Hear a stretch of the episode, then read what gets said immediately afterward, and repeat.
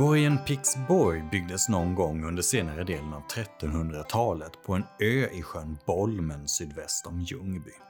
Borgen var ett administrativt centrum som stod för den kungliga skatteindrivningen i denna delen av Småland. Pixborg var strategiskt belägen som fäste i gränslandet mellan Danmark och Sverige och det är troligt att borgen kan ha fått sitt namn efter en av sina första innehavare, riddaren och frälsemannen Ebbe Pik. Som kunglig borg hamnade Pixborg ofta i händelsernas centrum och dess historia rör drottning Margareta som regerade över Danmark, Norge och Sverige. Den rör gränshandel, brinnande borgar och inte minst Engelbrektsupproret. Idag finns det inte mycket kvar av borgen. Däremot finns en stor och välbevarad arkeologisk fyndsamling som hjälper oss att lära och förstå mer om borgen och om människorna som levde och verkade där.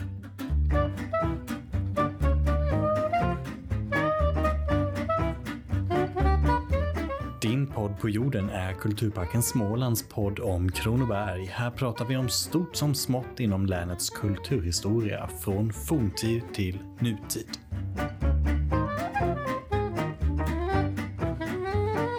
Välkomna till Kulturparkens podd, din podd på jorden. Idag så ska vi prata om den medeltida borgen Pixborg och vi kommer titta på dess medeltida historia men även röra oss fram i tiden till de arkeologiska utgrävningarna under tidiga 1900-talet.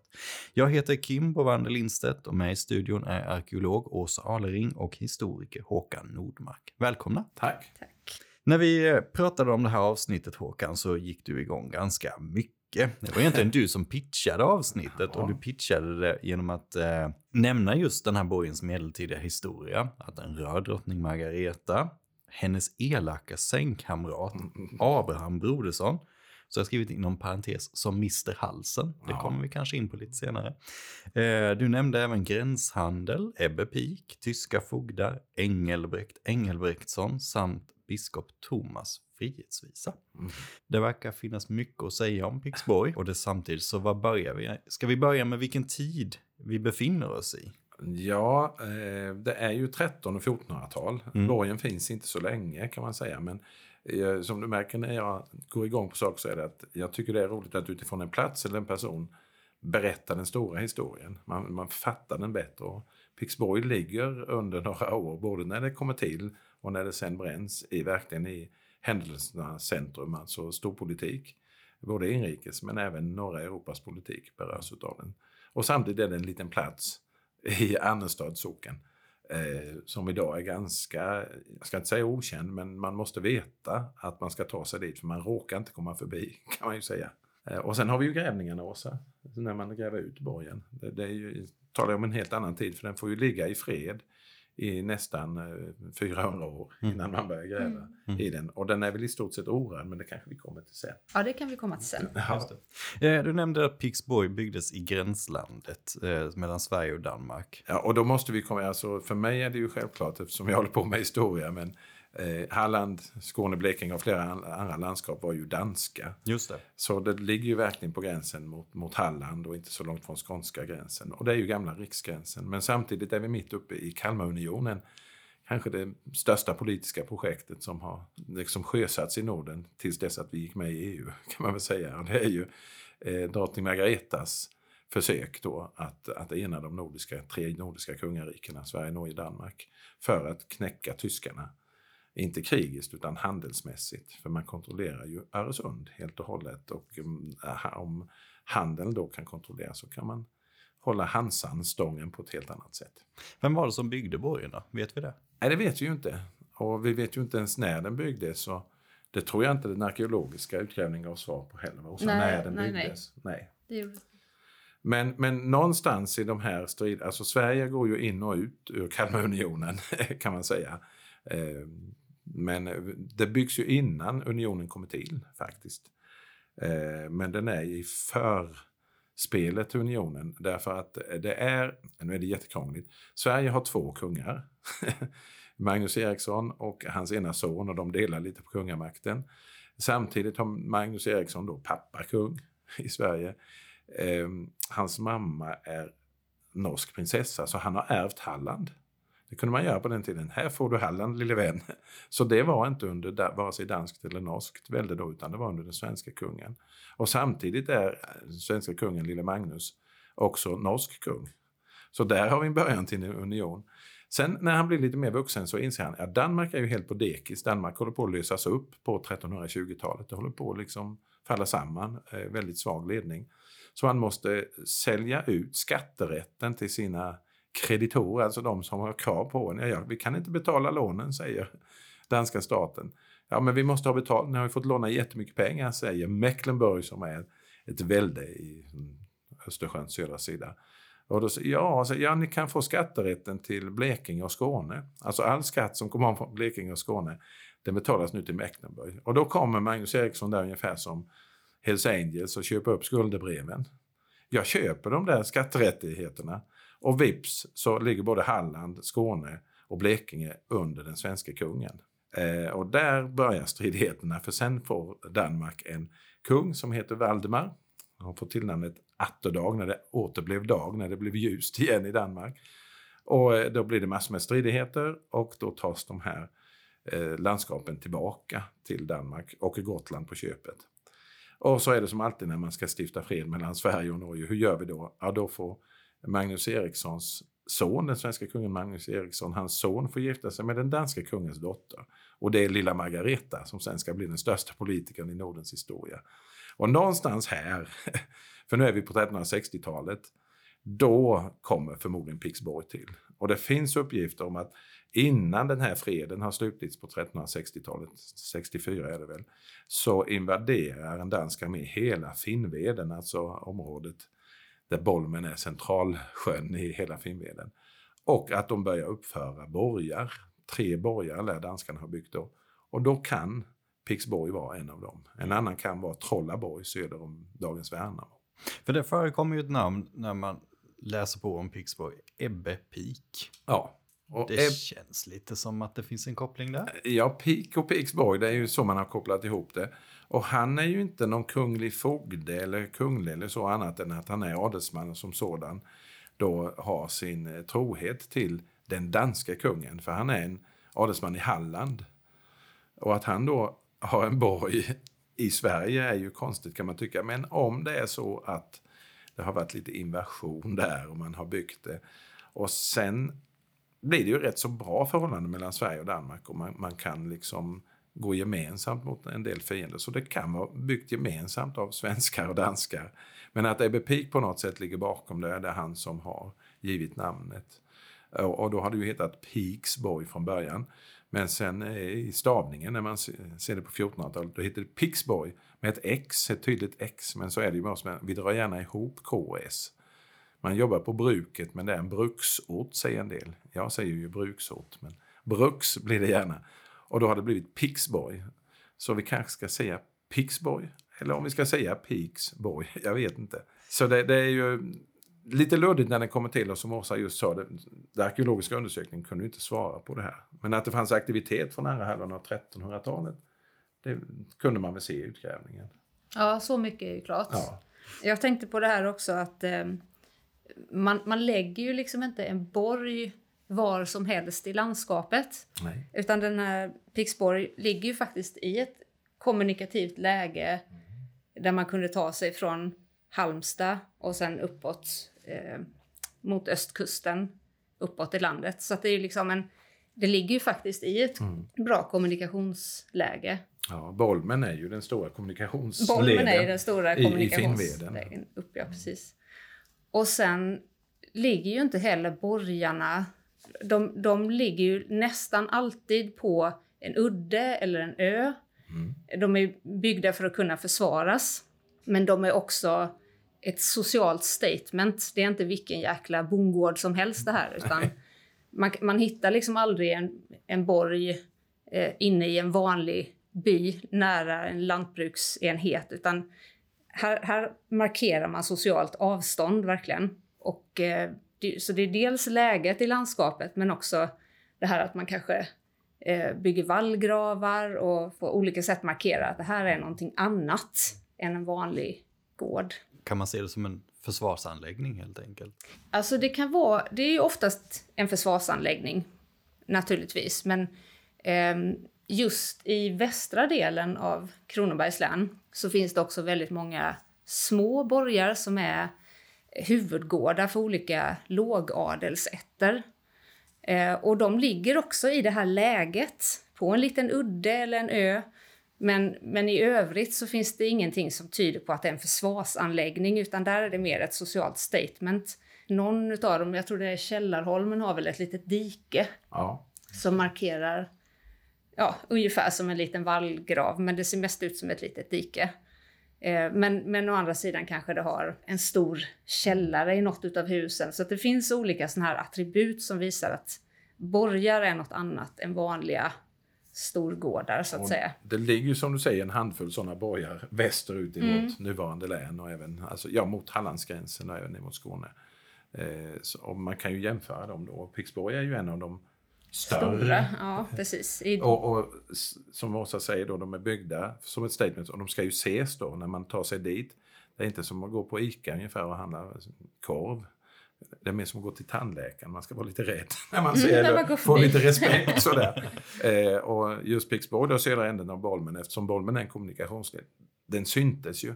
Tittar man söderut när man var i södra änden av Bolmen, då såg man borgen. Så den, den, skulle ses och vara lite svårtillgänglig, men man skulle ändå få komma dit kan man säga. Mm. Eh, så lite spännande. Och när vi talar om borg, då ska vi ju inte tänka eh, medeltida tinnar och torn och kreneleringar och sådär, utan vi får ju förklara för våra lyssnare vad en borg är. Jag tänkte precis på det. Kan vi gå in lite närmare på kanske hur den såg ut eller mm. material mm. eller liknande, om vi vet något om det? Eh, ja, från, från undersökningen vet vi ju egentligen inte speciellt mycket, men man kan väl börja med att säga att hela borganläggningen är ju fyra stycken öar.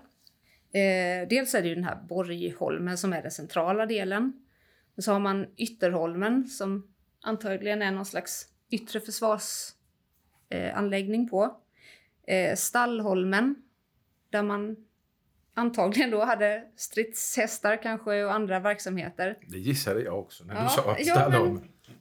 Och sen finns det också en liten ö som heter Galgön. Och det skulle ju kanske kunna tyda på att man har haft någon form av rättsskipning på den här platsen också, men det är väl ganska osäkert egentligen. Ja, väldigt osäkert skulle jag säga. Men vad, vad det annars skulle betyda, ja. det vet vi ju inte. Precis. Eh, men så att det, det, är egentligen en anläggning som är... Nu ser man ju bara Borgholmen i princip, för nu går ju eh, tågrälsen ja, där, eller Borg, eh, vad heter det? Järnvägsbanken. Järnvägsbanken går ju där, över de här holmarna. Man byggde en järnväg där för lite drygt hundra år sedan. Men man kan väl säga att det som syns idag är ju att det är en eh, uppbyggd platå som en kvadrat och så är det en liten vall uppe där och sen går det ner i en torrgrav kan man säga. Man vet väl inte riktigt om den har varit vattenfylld. Nej. Eller om det har varit en torrgrav. Nej, men någon form av... Alltså en grav är ju en, en grop och ibland ja. är, det, är det en vattengrav så är det vatten i. Men en grav är ju liksom ett dike, ja, ett dike som går runt. Och det är ju ganska det är ju tydligt markerade. Eh, det syns ju tydligt i landskapet. Mm. Och mot landsidan är det också lite vattenfylld grav. Ja. Mm. Och sen så tror man ju att det kan kanske ha funnits någon form av träpalissad uppe på den eh, första vallen så att säga. Och en träpalissad är då? Ja, ett slags jättekraftigt stort staket. Ja. Eller liksom en... Ja, resta stockar. Resta stockar, ja precis. Och det man kan se idag uppe på borgen av själva bebyggelsen där, det är väl egentligen bara en stor källargrop. Eh, och just det här med att ha en stor källare, det är också ganska typiskt för borganläggningar. Just det, de kallas väl källarhus ibland ja, också? precis. Och då, det kan ju vara... Eh, men, men det hade man liksom, alltså man kunde ha en liten källargrop i ett vanligt hus, mm. men här är det rejäla, kanske stensatta källare. Tyder det på något särskilt? Ja, man, ja, man tänker ju det att klart. det är ett, Det är inte vem som helst som bygger det. Nej, precis. Det, man, där har man någonting som man kan eh, förvara, som man behöver liksom förvara säkert mm. antagligen. Många de flesta borgar har ju någon form av tornbyggnad. Sen, sen, kan man väl tänka sig att en del, alltså husen har säkert haft någon stenhusgrund. Eh, men det har alldeles säkert varit hus byggda av trä. Om det har varit övervåningar så har det varit byggt i trä eller kanske korsvirke. Mm. Och det vet vi att så byggde man. vid ja, den här tiden. Det är så, så många som heter, alltså man använder ju namnet hus betyder ju del av, alltså delar i sten. Allt som heter hus på medeltiden, det är liksom inte bara en träbyggnad utan det är byggt i sten. Vi har Glimminge hus. Det är, det är ju inte liksom en villa på Teleborg, ett hus som vi tänker, utan det är ju en stenbyggnad. Malmö hus.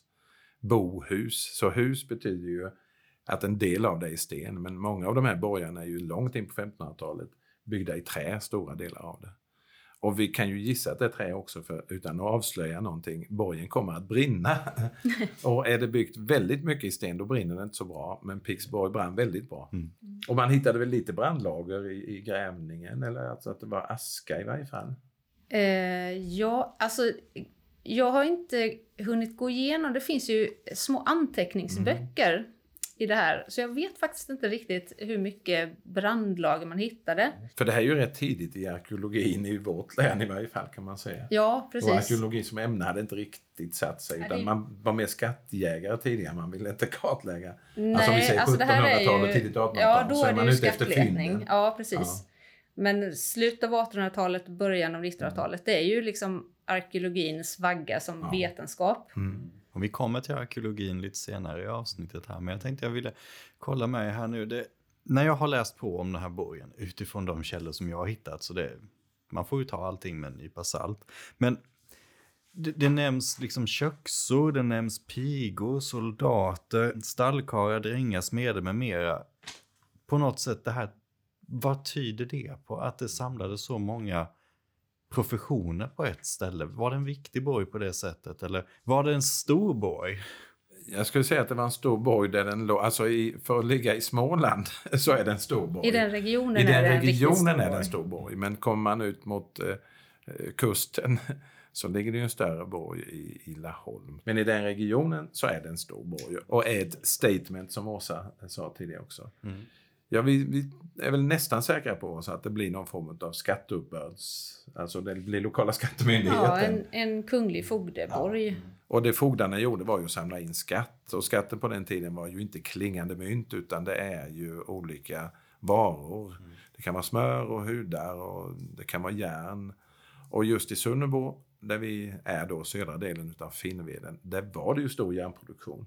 Så att det kanske har varit eh, skatten betalades i järn och det är när vi kommer till grävningen, man har hittat rätt mycket järnföremål. Mm. Och lite som berör hästar. Och mycket mynt också. Många mynt, ja mm. förhållandevis många mynt då från sent 13 men framförallt 1400-tal är det väl mynten. Mm.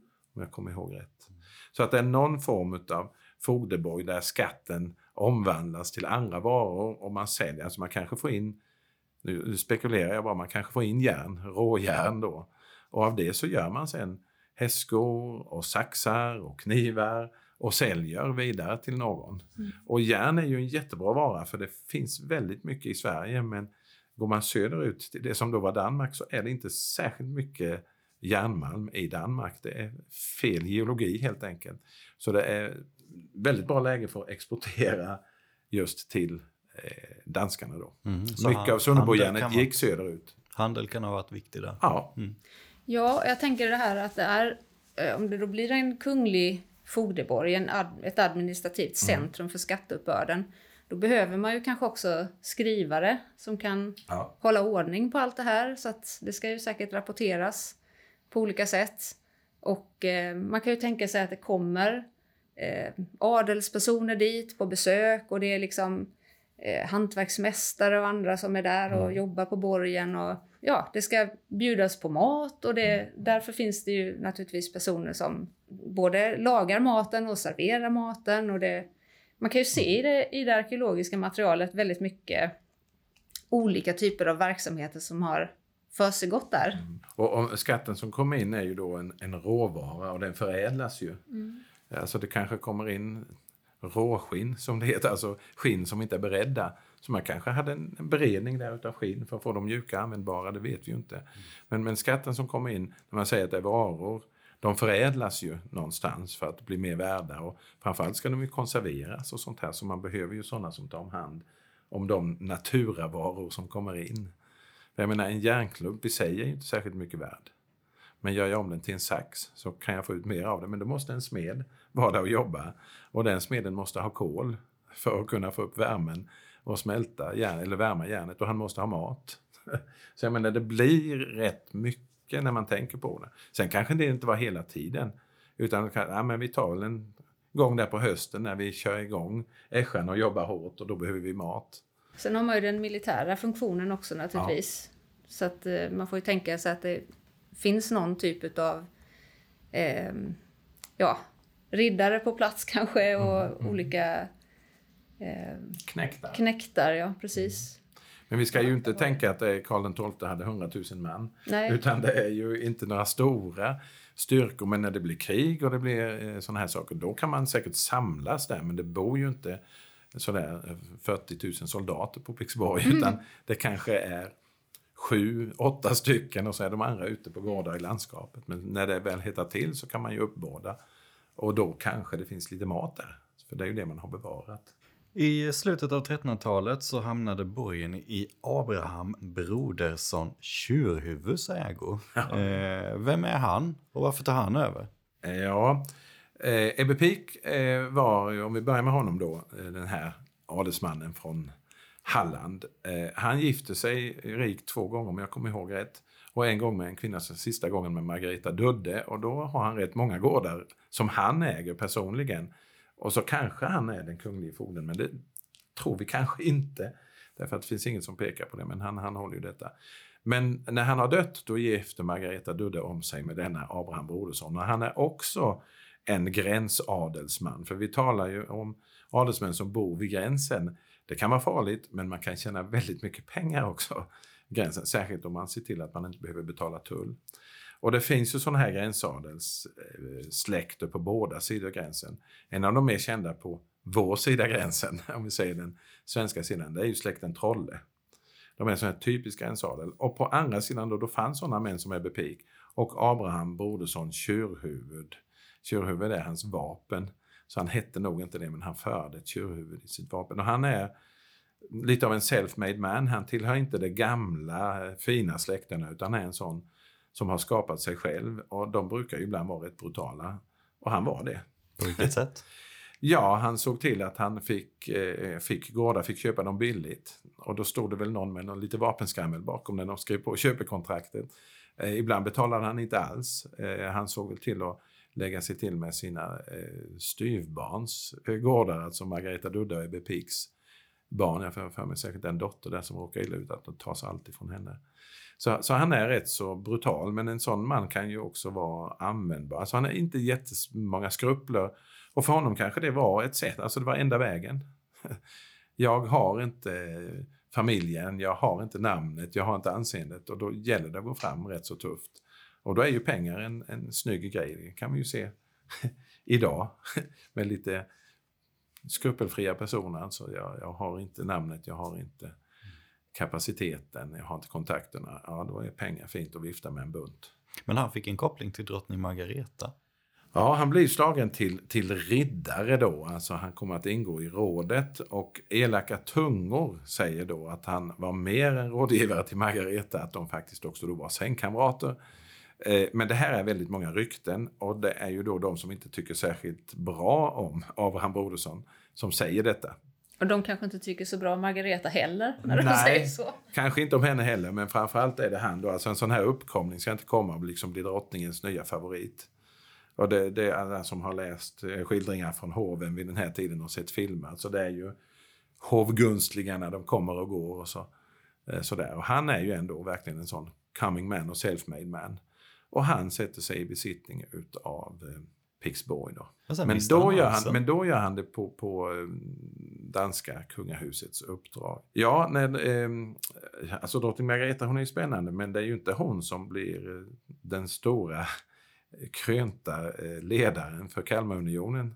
Utan det är ju hennes, är det nu, systerdotterson som förmodligen hette Bogislaus och sa det kan du inte heta om du ska vara kung i de tre nordiska riken. Byt till Erik. Okej, okay, jag gör väl det då. Och då känner vi honom som Erik av Pommern. Det där kanske heller inte riktigt men han har nog hetat Bogislaus tidigare och det säger hon, det funkar inte. Och för att vi ska få med svenskarna att ta namnet Erik, för de är så förtjusta i Erik, så då gör han det. Eh, så det är ju han som, som blir eh, de tre rikenas krönta huvud om man säger, men det är Margareta som är ingenjören bakom det hela. Och det är ju, om vi kopplar bara tillbaka till Magnus Eriksson. Han och Valdemar Atterdag satt ju där och kucklade ihop. Ja, vi gifte ihop våra barn då. Och det var ju Margareta och Magnus son då som gifte sig.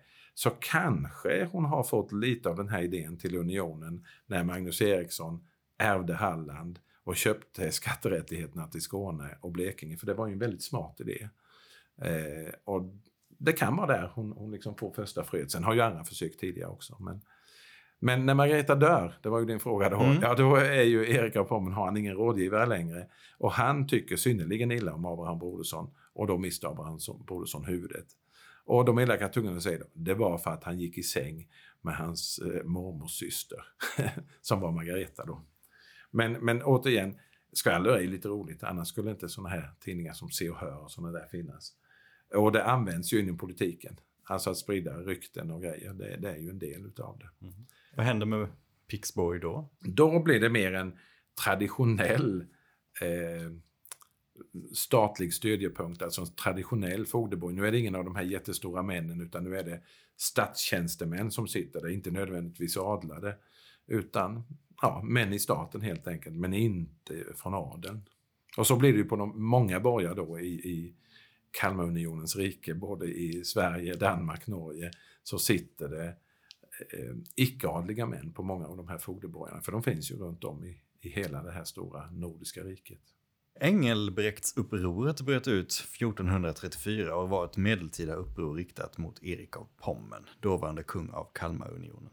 Redan samma år så nåddes Pixborg av en av Engelbrekts upprorsherrar och Olof Ragnvaldsson som då var fogde på borgen fick förhandla med det oerhört roliga namnet Herman Berman. Mm. Säger man så? Herman, Ber Herman Berman. Herman Berman. Herman Berman, inte Herman Berman. Herman Berman, ska ja. säga. Herman Berman, han var ju ledare för upprorsmännen. Under förhandlingarna så sticks borgen i brand och borgen totalförstörs och överges i ett svep.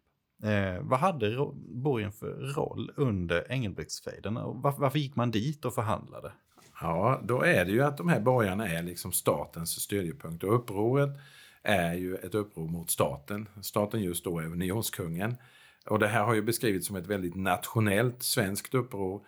Tittar man på det så är det väl Bergslag, alltså då järnhandlarna tycker inte om unionen men sädeshandlarna tycker om det. Så vill man beskriva det där upproret i nationella termer så är det svenskt mot danskt, men det stämmer inte riktigt utan det är snarare lite ekonomiska grejer som ligger bakom.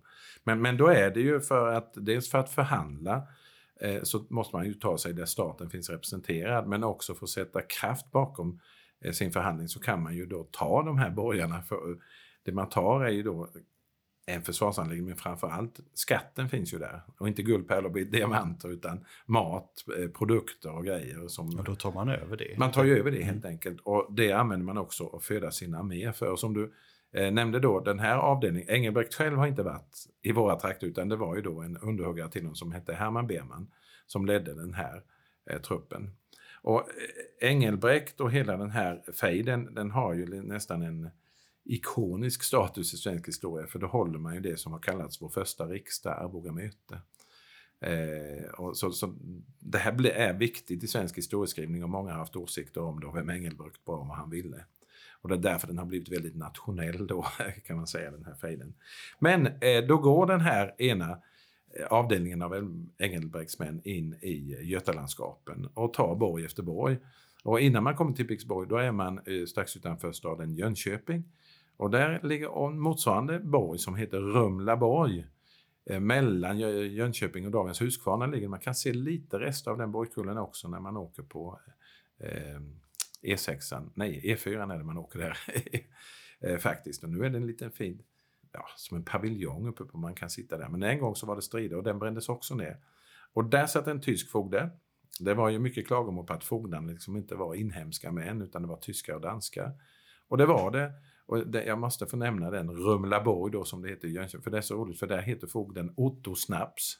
Så han är på Rumlaborg och heter Snaps, Otto eller Otte Snaps. Men det bränns och sen så går man vidare söderut och då kommer man till det här släkten Trolles stora gård Ed och där ligger en borg som heter Trollaborg. Vi är söder om dagens Värnamo. Och där bränner man den borgen. Där satt också förmodligen en tysk. Sen kommer man till Pixborg längst söderut och där är det då en svensk fogde. Eh, den här som du nämnde. Olof Rangvaldsson. Ja, Rangvaldsson. Och det hemska här då är ju att man står liksom på landsidan, ser vi oss, och förhandlar med honom. Och då kommer eh, en annan del med flottar utifrån sjön och sticker borgen i brand. Och det antyder ju lite som vi sa tidigare att stora delar av den var i trä. Eh, och då brinner det. Och det här är inte särskilt snyggt. Och man liksom fortfarande förhandlar och säger hur ska vi lösa det här nu? Kommer ni ut frivilligt? Och så börjar man känna lite varmt på ryggen. Vad är det som har hänt? Det brinner bakom mig.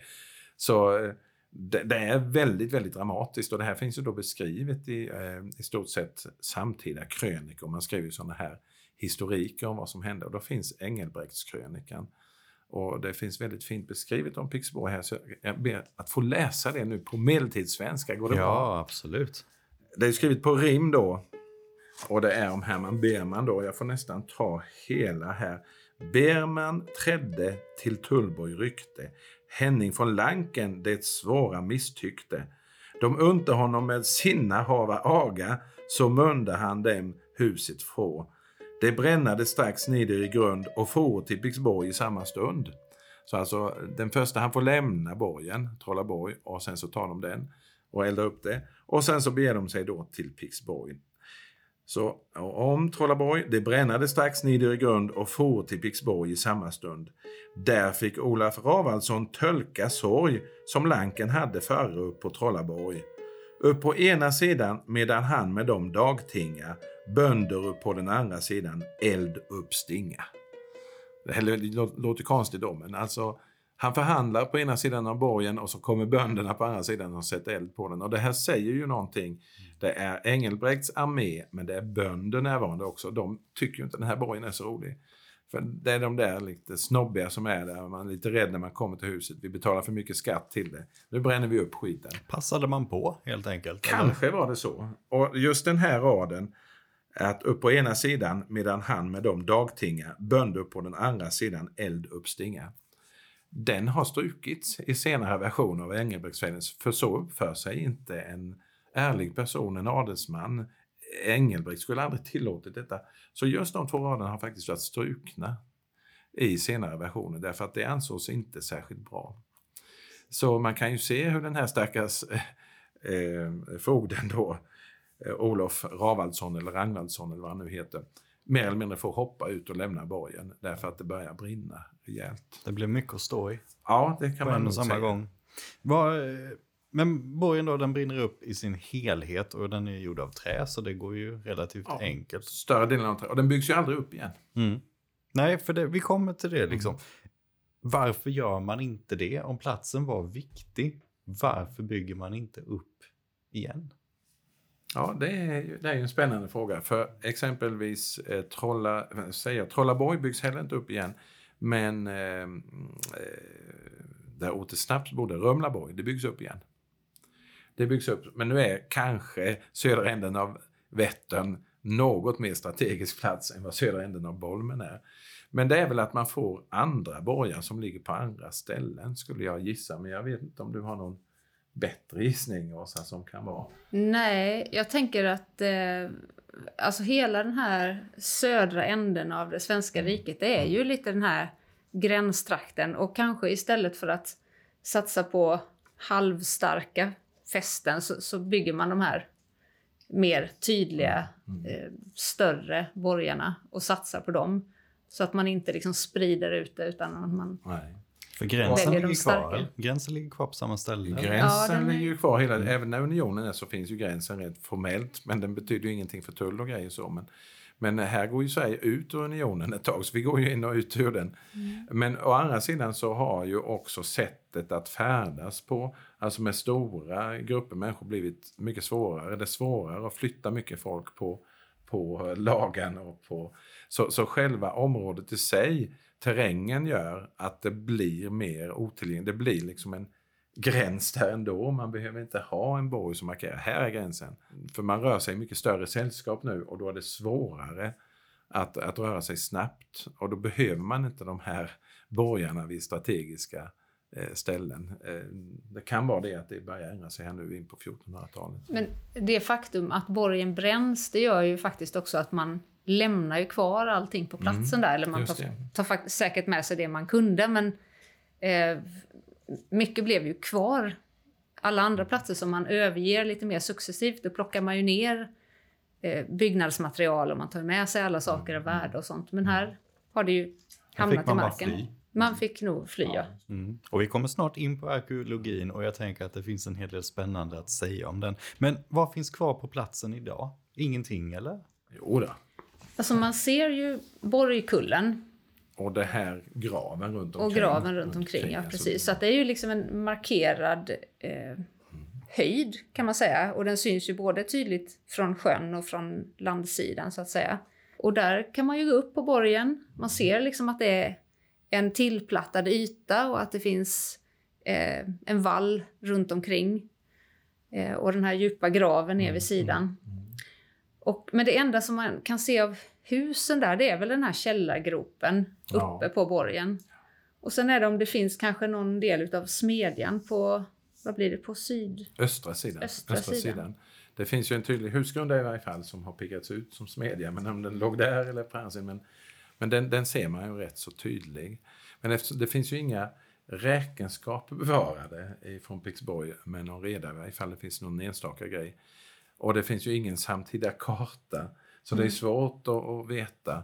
Så det är ju egentligen bara utifrån arkeologin mm. vi kan lägga det pusslet, vilken del låg var. Och där, där kan man ju tycka att det både Alltså det, det, är ju alltid roligt att det har varit folk där och grävt och mm. man har eh, hämtat hem fynd så att säga. Men man kan ju också säga att eh, man grävde ju med helt... Eh, man hade ju ett annat syfte då. Man, hade kanske, man tänkte inte på att beskriva saker på samma sätt som idag. Så att hade man gjort om den här grävningen idag så hade man säkert fått ut mycket mer information om hur det hade sett ut på platsen. Eh, sånt som antagligen är förlorat nu. Ja, och om man hade gjort någon liten enklare undersökning innan man byggde järnvägen. För det förstörde ju mycket ja, av de här förborgarna och de, de, andra öarna eh, kopplat till det. Mm. Eh, men det kanske ligger där fortfarande, vi kan gräva bort järnvägsbanken om vi får pengar. Eller vad säger du Åsa? Ja, nej, men, nej, men det, man, kan, man kan ondgöra sig över de här äldre ja. undersökningarna eh, av många anledningar. Men å andra sidan, eh, det är ju inte säkert att det hade blivit grävt överhuvudtaget annars. Så är också en aspekt. För att hade man gått in där nu så hade det ju varit mycket mer kostsamt om man hade gjort det på ett annat sätt och sådär. Så att... Och det är klart, eh, det fanns mer kvar inom arkeologin då. Fynden är det spännande, inte lagerföljden och inte... Eh, sen har det blivit annorlunda. För att mm. förstå en plats så är det ju inte bara fyndet utan var hittades tillsammans med vad och i vilken nivå och sådär. Så, så det har ju utvecklats en del sen dess, även om de var duktiga de som grävde då. Det låter som att ni är sugna på att prata lite arkeologi så jag tänker vi hoppar in i det avsnittet. Mm. Eh, för tiden går och 1908, eh, omkring 450 år ungefär efter att borgen har förvandlats till ruin så inleddes arkeologiska utgrävningar av Pixborg. Och dessa skedde under ledning och på bekostnad av civilingenjör Algot Friberg som gjort en del förtjänster inom fornminnets räddande och vård i Jönköpings län. Mm. Eh, samt kapten och häradsfornvårdare, fantastisk titel, Bror Kugelberg. Vilka var dessa två och eh, varför grävde de ut? Ja, men man kan väl säga att alla de här tidiga arkeologerna, alltså de var ju inte utbildade arkeologer utan de var ju fornintresserade personer. Eh, de engagerade ju sig väldigt mycket i sin, sitt närområde. Mm. Eh, som den här Friberg då. Han, han startade, eller det var väl han som var med och grundade Jönköpings läns museum. Ja, Fornminnesföreningen i Jönköpings län och så. Ja. Och just det på egen bekostnad. Är, ja, det är liksom det är ett, ett stort intresse. Ja. Och sen kan man ju säga att det var kanske inte de här herrarna med hatt och kavaj som liksom stod och hackade och grävde. utan här, i det här fallet så var det ju militären som var där och gjorde själva grovarbetet så att säga. Och det var lättare att göra en grävning då? Alltså idag är det ja. ju länsstyrelsen, det staten som bestämmer på ett helt annat sätt. Mm, då, ja, jag tror inte ens att det föregicks av någon nej, diskussion. Nej. Utan det kanske att man skickar ett brev till till Riksantikvarieämbetet. Tog spaden och gick. Ja, och jag tror som vi sa, att det, alltså, det blev ju utgrävt och man tyckte ja men här är nog något spännande. Det är bra att de gräver där. Så det, det var ju inte alls den lagstiftningen såg inte riktigt Nej. ut så.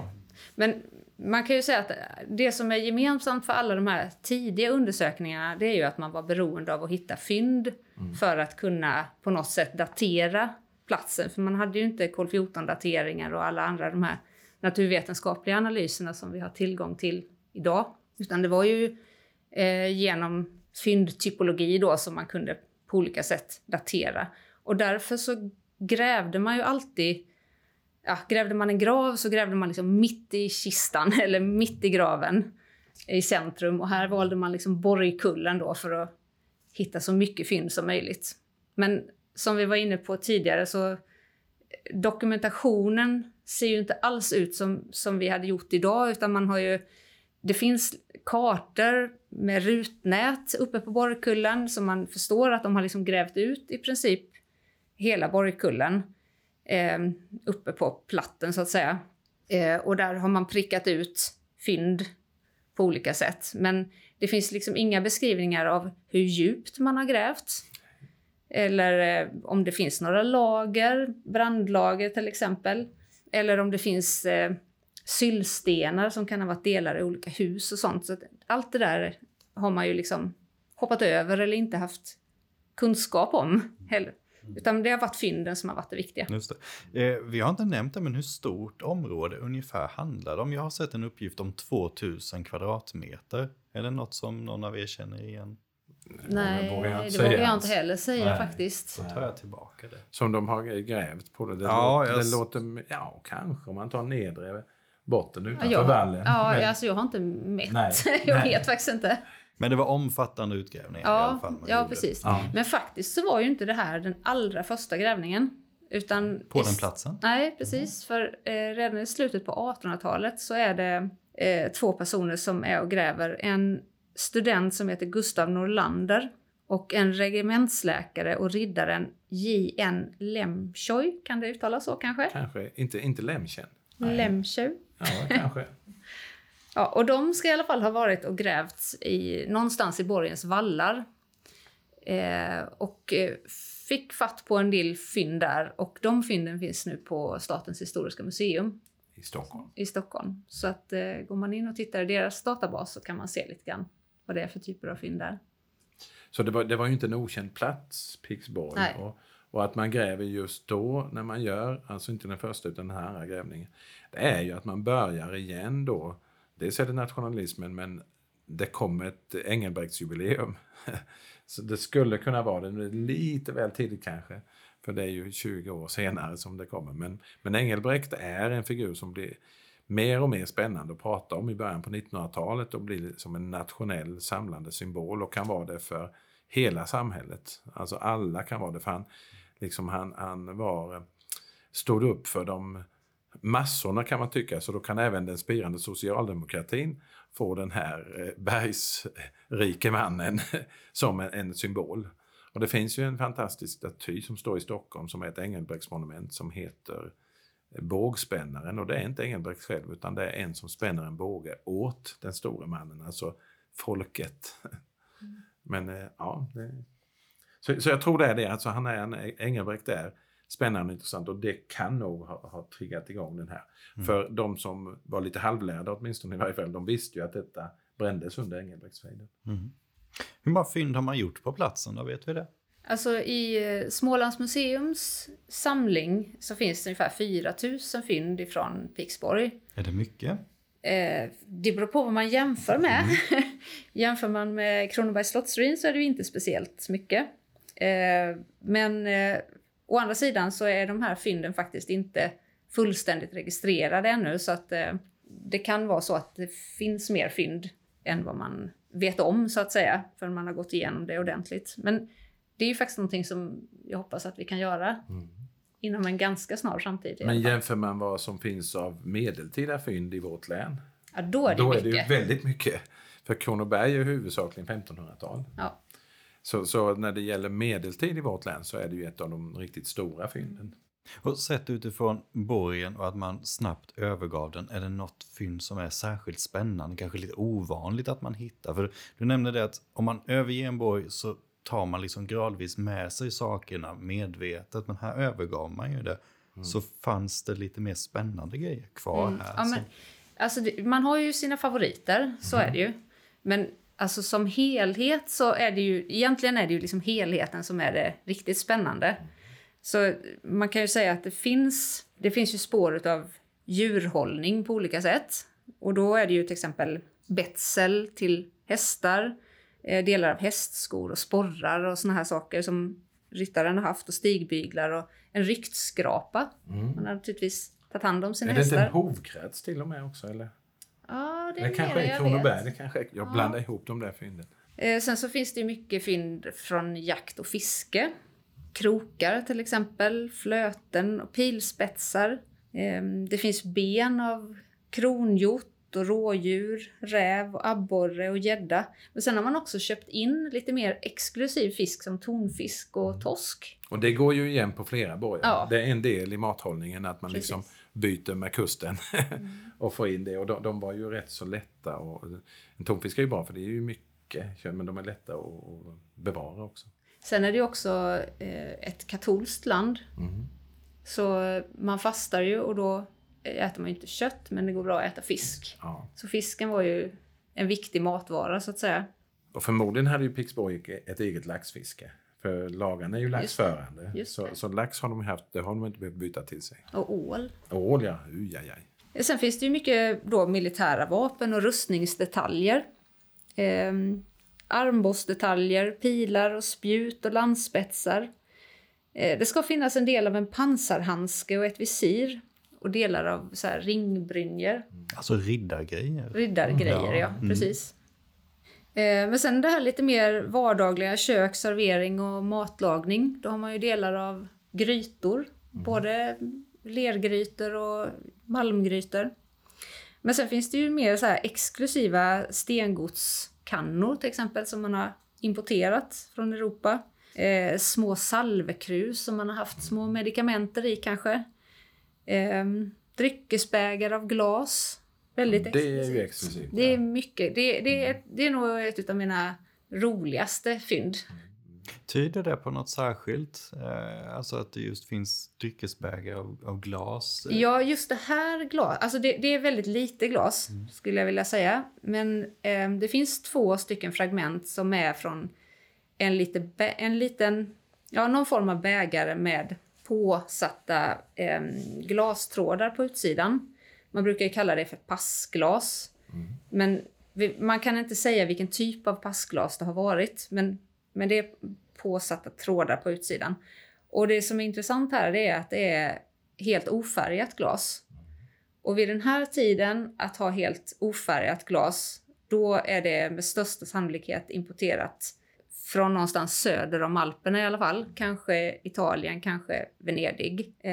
Man har helt enkelt svårt att få klart glas. Det blir lite ja, det... brunaktig ton, grönaktig ja. ton i det, det glaset man gör längre norrut. Precis. Men, men just, helt... i, just i Venedig så har man ju varit man väldigt ja. duktiga under lång, lång tid på att göra klart glas. Och överhuvudtaget så använder man inte speciellt mycket glas så tidigt utan det är ju liksom de stora städerna vid den här tiden och kungahusen så man kan hitta arkeologiskt glas så att säga, eller glas i arkeologiska kontexter. Så att eh, de här två små fragmenten är väldigt exklusiva, måste jag säga. Och tyder ju då på liksom lite, det har levts ett ståndsliv ja, på, på slottet också. Så det har inte bara varit en, enk, en enkel liksom, ta emot Skattenborg utan det har varit eh, liksom högre stånd verkligen. Ja, jag vet inte om jag sa det men det är, det är ju både det här klarglaset och sen så ut, några utav trådarna är i koboltblå. Så att de har varit eh, ja, men tjusiga glasbägare verkligen. Ja, det fanns nog inte många sådana glas i Sverige på 1430-talet. Det kan jag inte tänka Nej, inte, inte jättemycket Nej, faktiskt. De är, hundra år senare är de fortfarande exklusiva sådana mm. glas. Men sen såklart så hittar man ju också mycket benmaterial, alltså rester av matlagning och sånt där. Det är ju nötboskap och det är svin och det är får och getter och sånt där. Och hantverk har man ju hållit på med. Man har sytt, till exempel. Det finns fingerborgar, man har den här smedjan. Det finns rester av eh, Man har hållit på med bronshantverk på platsen. Så att mycket olika typer av fynd. Och det är det som är så spännande, helheten. Alltså man har ju lämnat allt. Precis. Eh, så det är ju helheten av fynd som gör det ja. jättespännande. Inte den där enstaka grejen. Och, och framförallt kanske de här lite personligare grejerna som fingerringar och mungigor och speltärningar och vad heter det, såna här spelpjäser som man har mm. spelat olika spel och medaljonger. Massa roliga grejer. Kan man ta del av de här fynden på något sätt idag som eh, besökare på museet eller så? Som det ser ut idag så får man eh, mejla till mig och då plockar jag jättegärna fram föremålen. Man kan få titta på dem och då är det på Kulturarvscentrum Småland här i Växjö. Men eh, jag hoppas ju så småningom att jag ska kunna få registrera de här fynden och då kan man ju se dem på foto och läsa om dem på digitalt museum. Så de kan visas upp på förfrågan egentligen kan vi säga? Ja, ja. precis. I vissa tidiga utställningar så har ju delar av det varit utställt när mm. vi hade. Då, då var ju delar av Pixborgsfynden utställda. Du pratade om glaset som dina favoritfynd, Åsa. Ja, jag är ju som Gollum, jag tycker guldringen är väldigt fin. Det är en fantastisk guldring. Men sen är det också ganska vardagligt men kanske ändå exklusivt. En pilk, alltså ett sånt drag man har när man fiskar med en, en pilk från en båt eller från isen. Och den är ju någon legering så den har ju varit lite kopparare då, mm, så är kroken på. Och den ser ut som en pilk ser ut idag också. Den är tung, tung i sig själv och så är kroken. Eh, och det, det, är lite spännande när, när saker... Man kan se, den, en pilk har sett likadan ut i 600 år.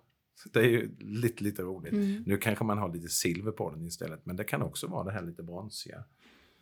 Men, men när man, när man har, pratar om favoritfynd så finns mm. ju också den här eh, en, eh, en kvadratisk eh, ler... Ja. Eh, vad ska man säga? Lerkloss med koniska hål, nio stycken koniska hål. Du har ni det bredvid? Ja, jag tänkte säga, nu, nu ser ju inte det lyssnarna detta, men vi har, ju, vi har en låda som äh, står här bredvid med en rätt så, ja, ett flertal fynd då från Pixborg som det ser ut som. Och nu så, Åsa, då håller du i den här som du precis Vi kan väl lägga ut några foton? Vi lägger ut några ja, foton, det, kan vi det gör vi absolut. Ja. Som I samband med publiceringen av detta avsnittet så har vi några foton på eh, Kulturparkens Instagram och Facebook-sida. Så där ja. kan ni se det som vi pratar om här just nu. Men den här lilla eh, ler, brända lerfyrkanten med de här små hålen, där ser man också att det är färgrester i. Mm. Så man kan tänka sig att det har varit en, en färgpalett. Man kan se koboltblå och någon lilaaktig färg och någon gul eller vit färg och kanske lite svart. Så mm då blir man ju så himla nyfiken. Så här, vad, är, vad är det för typ av färg? Har man målat bonader? Har man målat eh, dekor på någon vitkalkad takbjälke? Eller vad, vad använder man keramik. den här till? Kanske keramik, ja. Det, fast de är så små de här hålen. Ja. Så det är det liksom fördjupningar eh, och där har färgpigmentet, och det är ju inte mycket pigment så jag tror inte på bonader för då måste du ha mycket, mycket mer då pigment. Då kanske det är mer, ibland, ja. ja. Ja, men det är jättespännande och man skulle ju säkert kunna göra några analyser på ja. de här ja. pigmenten för att se vad det är för typ av färg. Och... Mm. Mm. Hur känns det att hålla i en sån sak som har varit med om allt detta vi har pratat om och som är 500 år gammal? Ja, men det är, ju, det är ju spännande. Det är ju liksom som en blick in i en annan värld. Även om det är mycket som är likt Nej. från medeltiden så är det också väldigt mycket som är olikt. Ja. Men det är så roligt att, att pigmentet syns fortfarande. De här, ja. Är det nio fördjupningar i din, mm. din eh, kvadrat du har där. Man ser vilka färger det har varit. Det, det är ju ganska fascinerande. Ja, det är jättespännande och just den här bredden av föremål är så himla... Fick du med pilken också? Ja, jajamensan. Ja, det, det är ju min favorit. Då kanske du ska hålla i den nu. Ja, får jag göra det. här är... Hur beskriver du den? Ja, det är ju... Eller det gjorde det förut. De, ja, men de som har fiskat någon gång vet vad en spinnare är. Och det här är då inte en spinnare utan den här lilla skeden som far runt på en spinnare den är istället en fast tjock klump och så är kroken fast under där. Och det heter ju en pilk och som isfiskare vet vad detta är idag. Eh, så den är ju tung i sig och så har den kroken på sig men sen har den ett litet lekande skulle vi säga idag också så att den kan snurra runt så den kan röra sig och lura fiskarna att det här är en annan liten fisk.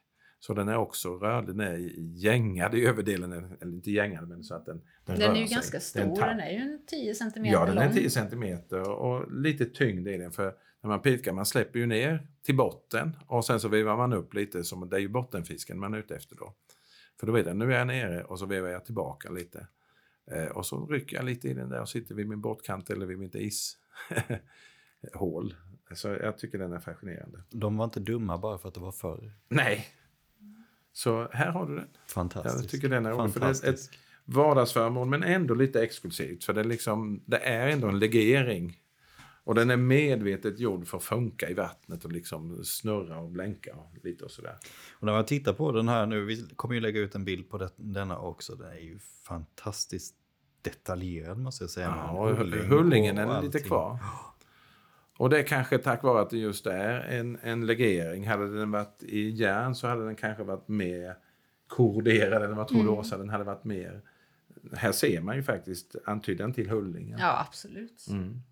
Och du har fått tag på någonting där också? Nej, men jag tycker att man måste i det här sammanhanget också slå ett slag för exklusiva byggnadsmaterial. Ja. ja.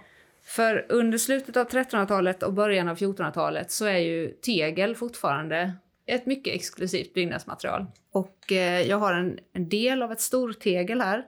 Antingen så är den brandskadad eller så är det här faktiskt en, eh, en dålig bränning helt mm. enkelt. Mm. Lite svårt att säga. Men eh, man kan se på de här kartorna som man gjorde vid grävningen med stora rutnät så, så har de markerat områden där det finns mycket tegel. Och det kan ju vara en indikation på att det har stått hus där till exempel. Eller att man har haft teglade grunder eller möjligen kanske i ehm, eh, korsvirkeskonstruktioner så, så kan man ha tegel mellan stockarna och sådär. Men det är ju ett, eh, verkligen ett statustecken ja, också. Men det här är byggnadstegel, det är inte ett sånt golv som har legat som klink eller som någon golvmaterial utan det är Alltså jag kan inte säga det med den här. För den Men är hur som har vi det dålig. exklusivt byggmaterial är det ja. verkligen. Och det är också en sak med de här, nu hamnade jag tillbaks på de här väldigt enkla eh, lågadelsborgarna också. Eh, för när det har gjorts små undersökningar i dem så har man faktiskt också hittat eh, fragment av fönsterglas mm. från 1300-talet. Och det är ju även på sån här då väldigt, väldigt enkel borg så har man unnat sig eh, att ha liksom något litet fönster någonstans med riktigt glas i. Eh, och det kan finnas här lite tegel och sånt i källaren. Så att... Men det är ju för att säga, jag förmår, jag ja, kan det här. Precis. För det är inte jättemycket ljus man får av det egentligen. Nej, utan det är ju rent, det är, det är skryt. Status alltså. Mm. Så det är den som har senaste mobiltelefonmodellen. Jag har X3212. Det, det, det, det har inte ni. Så det, det är lite så att visa, jag förmår, det gör inte ni. Mitt hus är något annat än ert hus. Hur förhöll man sig till det som besökare? Blev man kuvad eller blev man Alltså den man, man är i beroendeställning till är man ju liksom, ja, man kanske inte alltid behöver vara kuvad, men, men respekt ändå. Och, och, alltså Pixborg är ju liksom, om vi föreställer oss då att det har varit en palissad där och en hyfsat stor anläggning ändå. Den, alltså där tittar man ju liksom verkligen upp på borgen när man kommer förbi. Mm. Eh, Medan de mindre anläggningarna är ju som en öppen anläggningen en öppen borg så att säga. Men just det där läget gjorde ju ändå att folk, man vet vem som bor där. Och lite vägen dit kanske, även om det inte är så mycket palissader och gravar, så är det ofta en väg, en gång dit, alltså man liksom ska paradera fram mm. till det. Det är liksom inte man går ut och så står man huset där. Man råkar inte snubbla det, på Nej, utan man, man nalkas det, för att använda ett bra ord. Men sen tror jag ju att det var precis som nu, man var säkert imponerad av den där fönsterglasen, så, men sen man kom, nej jag tyckte inte det var så mycket. Alltså, de var ju människor precis som vi, så man, man kanske blev imponerad, de kanske blev det, men kanske inte ville erkänna det sådär, åh jag var helt impad av hans fönster, utan, ah, som skit, vi har det bättre här. Ja. Våra... Utan fönster. Så alltså, människor är ju människor. Mm. Det, det, det, det, är väldigt fascinerande när man Det enda stället de flesta bönder kunde se fönsterglas, det var ju i kyrkan. Ja. Och då är det ju små fönster fortfarande med väldigt små, väldigt små fönster. Men, men det är ju trots allt kanske bara där de har ja. sett det för. Ja. ja, det blev nästan lite andaktsfullt här nu att komma så nära historien. eh, och se de här föremålen och här är beskrivning och så. Finns det något mer som är värt att säga om Pixborg som ni känner till? Det är väldigt många sådana här platser som är välkända. De får ju ofta myter och historier kring sig. Och eh, just i Pixborg så ska det ha funnits en kung Pigge. Eh, Inte Ebbe Pig alltså, utan nej, kung, Pigge. kung Pigge hette han. Eh, och han blev anfallen på borgen och flydde därifrån över sjön och han rodde i en koppargryta. Mm. Hör och häpna. Han blev träffad av flera pilar men han lyckades ro vidare i sin koppargryta till andra sidan sjön och flydde in i skogen. Men han var så illa skadad så att han led och han dog där. Och sen kom det ett, eh, blev det en by där, eller ett samhälle som nu heter Lidhult. Ja, för han led så oh. Han led så hemskt. Oh. Och därför fick det heta Lidhult. Så var så, det nog. Så var det nog, ja. Trot om ni vill. Men var tog koppargrytan vägen ja, undrar jag genast Den ligger kvar. Den ligger kvar. Aha. I Kopparsvik kanske? Ja. Vi får gå och leta. Ja. ja, hörni, då tänkte jag på det ta och runda av det här avsnittet. Vad tror ni om det? Två avslutande frågor. Dels, kan man besöka platsen idag? Det är det ena. Och det andra, om man vill veta mer om Pixborg, var ska man ta vägen då? Man kan absolut besöka platsen. Det tycker jag man ska göra. Kanske ta med sig en fikakorg och sitta där en dag när det är soligt och härligt väder. Är det enkelt att ta sig dit? Ja, det är ju förhållandevis enkelt att ta sig dit. Man behöver ingen båt eller så? Nej, Nej. det behöver man inte. Koppargryta kanske? Kanske koppargryta. Mm. Och bor man i närheten är det jättebra att cykla på den gamla järnvägsbanken. För järnvägen är nedlagd och den är ju en cykelled längs med Bolmen. Men annars däremot, är det ju bil. Ja, däremot så är det väl så att det kanske inte finns bekvämligheter. Det finns liksom inga toaletter Nej. eller papperskorgar. Så att det gäller liksom att ta med sig allting när man ja. lämnar och går därifrån. Men jag tycker absolut att man ska åka dit. Och det, Pixbo blev ju en station, så stationshuset finns kvar om vi ska mm. tala ännu modernare historia. Men det är väl en privat Det är privatbostad, man kan se det. Men det finns också eh, lite godsmagasin och, och sånt där. Så man, man, man binder verkligen ihop medeltid med nutid, alltså industrialismen och järnvägen. Och järnvägsbron eh, västerut är ju väldigt spännande att gå på. Mm. Du lyfter fram två böcker där, såg jag. Ja. Var, det, var det medvetet? Ja, jag tänkte det att om, om man vill ha reda på mer om, om Pixborg och hela Engelbrektsfejden så tycker jag att man ska, när det gäller fejden och enkelt sammanfattat och bra skrivet, då är det Lars-Olof Larssons bok Engelbrekt Engelbrektsson och 1430-talets svenska uppror. Mm. Där han beskriver hela unionstiden och en del av det handlar ju då om Pixborg. Han har också skrivit om Pixborg Ebbe Pik i Annestads eh, hembygdsförenings en bok. De gav ut Annestad-arkivet 1994. Sen finns det lite andra också, men, men det är rätt så lättillgängliga och bra grejer och där får man reda på kring historien på ett helt annat sätt än vad vi har berättat idag. Jo, men om man ska läsa någonting mer om Pixborg så tycker jag också att man ska läsa någonting som arkeologer har skrivit, ja. inte bara historikerna. Va? Och då har vi ju till exempel Martin Hanssons bok Medeltida borgar, Maktens hus i Norden. Där kan man läsa om Pixborg men också om ja, andra borgar under medeltiden i Norden. Och jag tror att han också nämner de här lite små borgarna mm, i västra delen av länet. Sen har vi också en bok av en kille som heter Magnus Tibeus, eller han har i alla fall skrivit en hel del artiklar i den. Eh, den heter Borgar från forntid och medeltid i Västsverige. Där kan man också läsa om Pixborg. Det är också tillgängligt mm. och ja, trevliga böcker. Mm. Och ett kapitel om Trollaborg är det i den boken också, tror jag. Mm. Den här som, en, som en bonus. Ja. Mm. Då så, Åsa, Håkan. Alltid lika trevligt att ha er här i studion. Tack för idag. Tack, tack så mycket.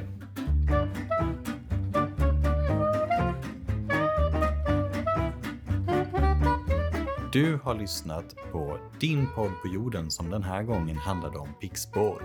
Gäst i studion var arkeologen Åsa Alering och historikern Håkan Nordmark. Programledare var Kim Bovander Lindstedt.